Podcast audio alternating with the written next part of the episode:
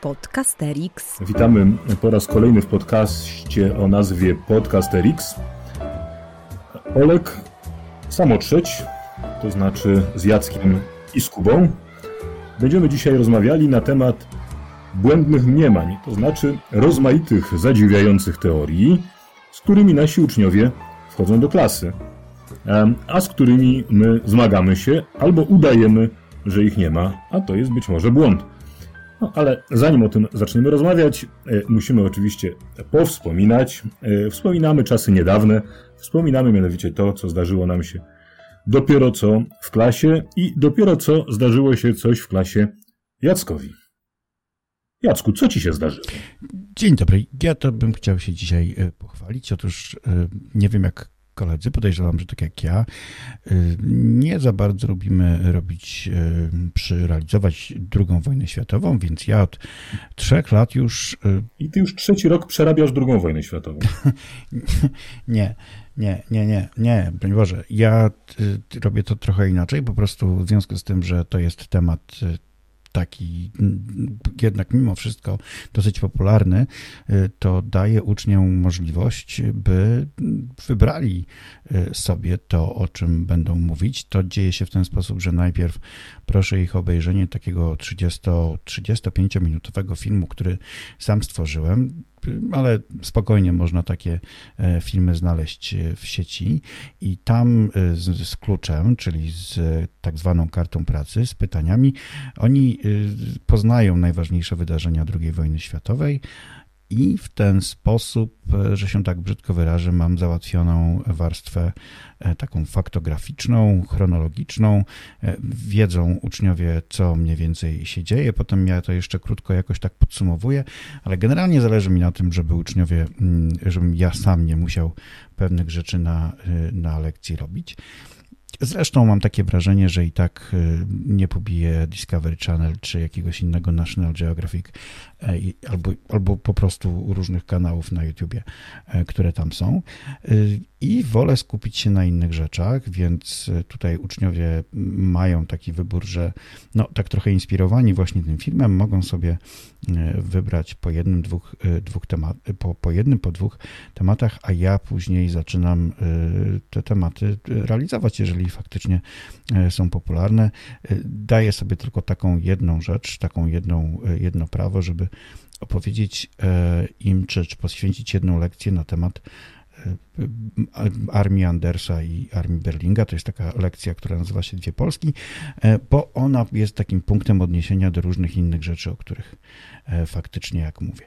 I to jest coś, co mi się faktycznie sprawdza, co lubię i mam takie wrażenie, że uczniowie to kupują, bo czują się trochę e, właścicielami tej, tej, tego kursu e, i nie narzekam. Do tej pory faktycznie nie było jeszcze tak, żebym miał taki wyrzut sumienia, że czegoś ważnego e, nie zrealizowałem. Discovery Channel może pobić tylko Jan Matejko. Siłą swojego detalu. I pokazując, jak włócznią świętego Maurycego jakiś dżentelmen zabija Ulricha von Jungingena. Tak, wszystko przy wieszaniu dzwonu Zygmunta.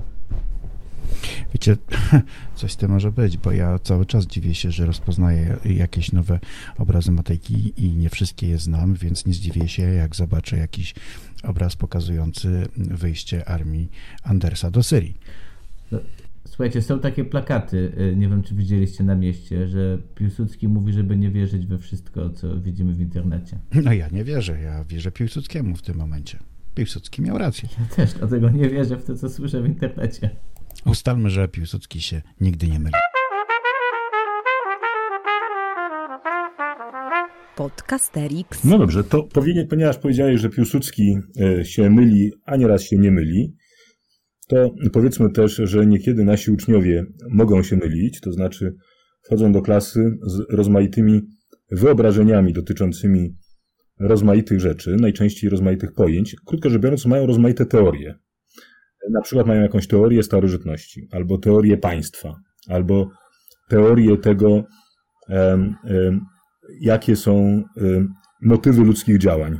I jeżeli pozwolicie, to dam pewien przykład tego, jak, po czym ja poznam, że coś przegapiłem, jeżeli chodzi o błędne mniemania, czyli takie właśnie teorie, z którymi nie zdążyłem w żaden sposób polemizować.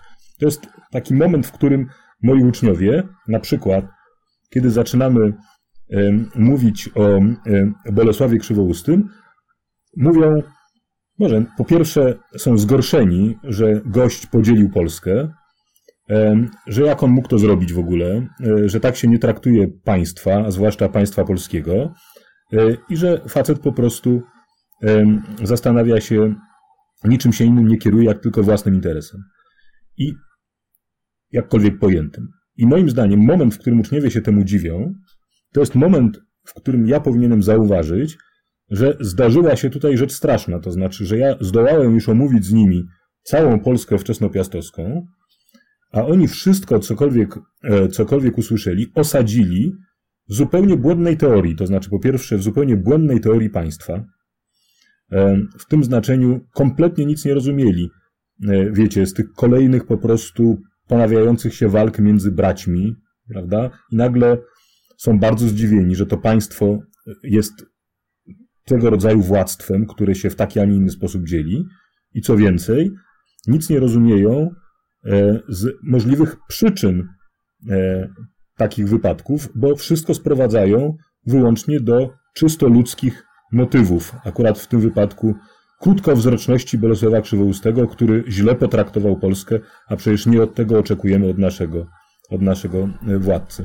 A czy to, czy to nie jest też trochę tak, że ta walka z błędnymi mniemaniami, a na, być może w dużym stopniu w ogóle też w tym przykładzie, którym się posłużyłeś teraz, to jest y, walka z wiatrakami, bo je, słuchając teraz tej Twojej historii, to sobie pomyślałem o tym, że właściwie to błędne mniemanie, którym się ci Twoi uczniowie y, by, by wykazali, y, ono jest niesłychanie mocno zakorzenione w całej narracji historycznej, no bo cała nasza patriotyczna, a propos, e, narracja historyczna jest budowana wokół właśnie historii e, państwa naszego i tu nagle jeden z naszych władców robi taki błąd, to jest jedna strona, no a druga strona, i, jak z tym walczyć? No to jest ich wizja historii, to jest nasza społeczna wizja historii, e, naszej przyszłości wspólnej. No a z drugiej strony, i wydaje mi się, że z tym aspektem jest niesłychanie trudno walczyć, no bo on jest w naszych trzewiach.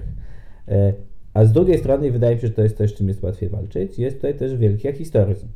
To znaczy e, spojrzenie bardzo mocno na decyzję Krzywoustego z perspektywy tego, co było no, nawet nie 100, tylko 200 lat później. Tak, albo 300 lat później. I to jest coś, ten, ten drugi aspekt jest łatwiej zwalczyć niż ten pierwszy. Wydaje mi się, że ten pierwszy jest trochę przegraną sprawą, a przynajmniej bardzo trudno jest na poziomie tylko omawiania e, jednego działu Polski, tam piastowskiej, zwalczyć to. Znaczy, zwalczyć to inne rozumienie państwa. No? Olek mówił o y, Bolesławie Krzywoustym i jego, y, jego decyzji. Ja sobie tak od razu pomyślałem, że co prawda ty mówiłeś o tym w kontekście pierwszej klasy liceum, a ja sobie od razu pomyślałem o klasie piątej szkoły podstawowej. Akurat uczę tu i tu i sobie pomyślałem, że y, takie mnie w ogóle taka wątpliwość na mnie naszła, czy to w ogóle jest sens uczyć o takich rzeczach, tak młodych uczniów, dlatego że w zasadzie nie mają szans na to, by konkretnie zrozumieć pewne e, różnice i w ten sposób tworzą sobie w głowie już takie błędne mniemanie wprost do liceum, z którym zostaną. E, taka, tak, tak, tak sobie teraz myślę. Więc pozwólcie koledzy, że pokuszę się o pytanie i zadam pytanie, skąd się one biorą, te błędne mniemania i od razu postawię tezę, że prawdopodobnie, prawdopodobnie z domu. No, albo ze społeczeństwa, ze świata. Podcasterix.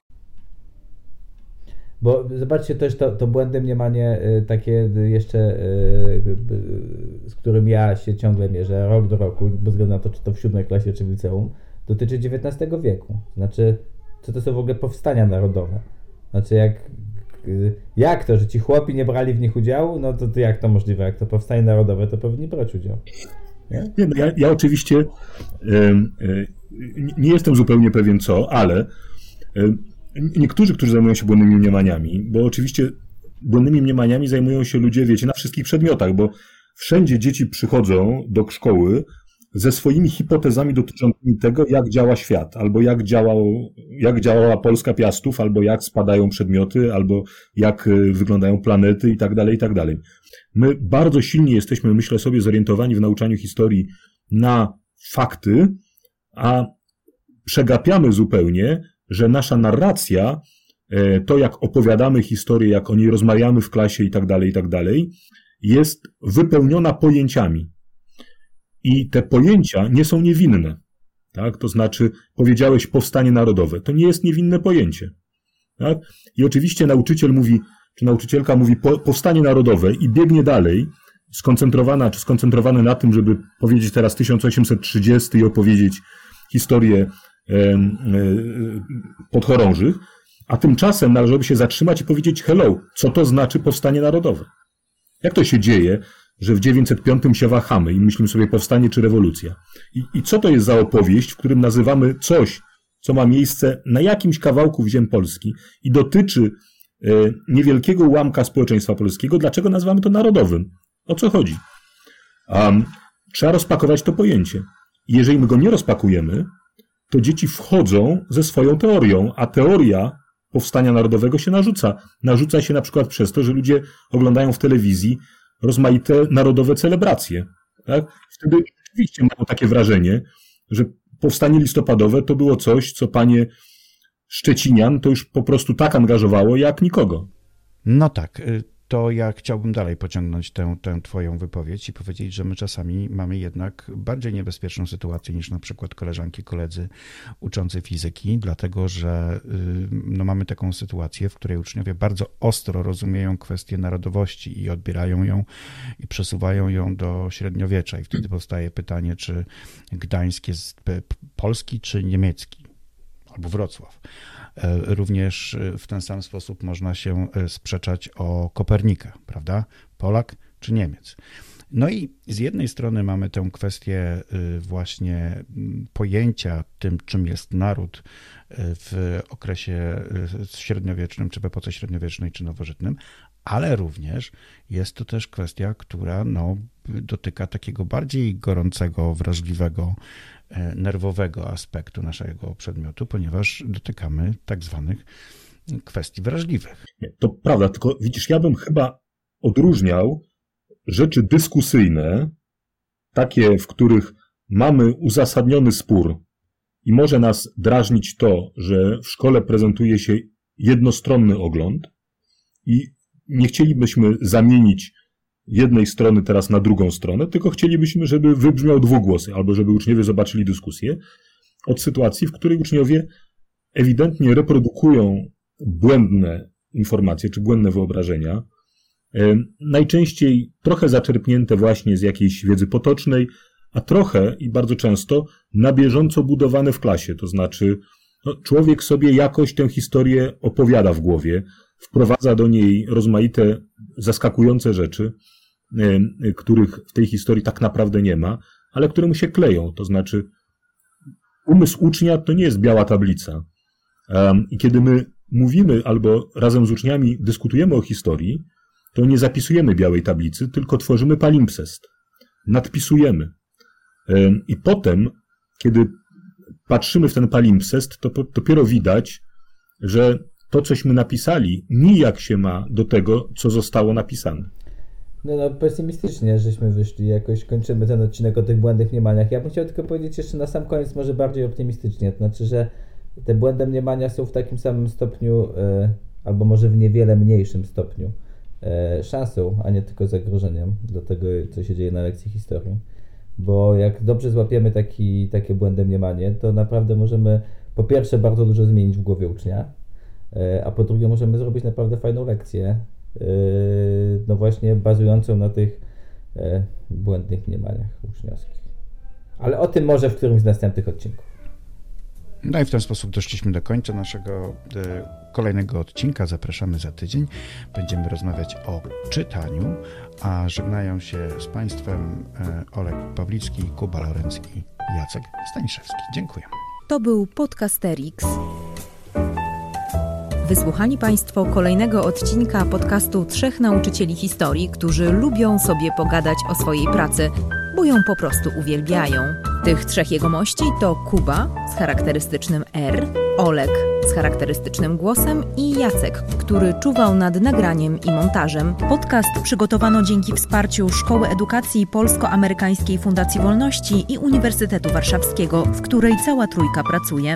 Więcej informacji na stronie szkolaedukacji.pl. W czołówce wykorzystano dźwięki na wolnych licencjach, a głosu użyczyłam ja, czyli Adriana Bąkowska. Zapraszamy na kolejny odcinek.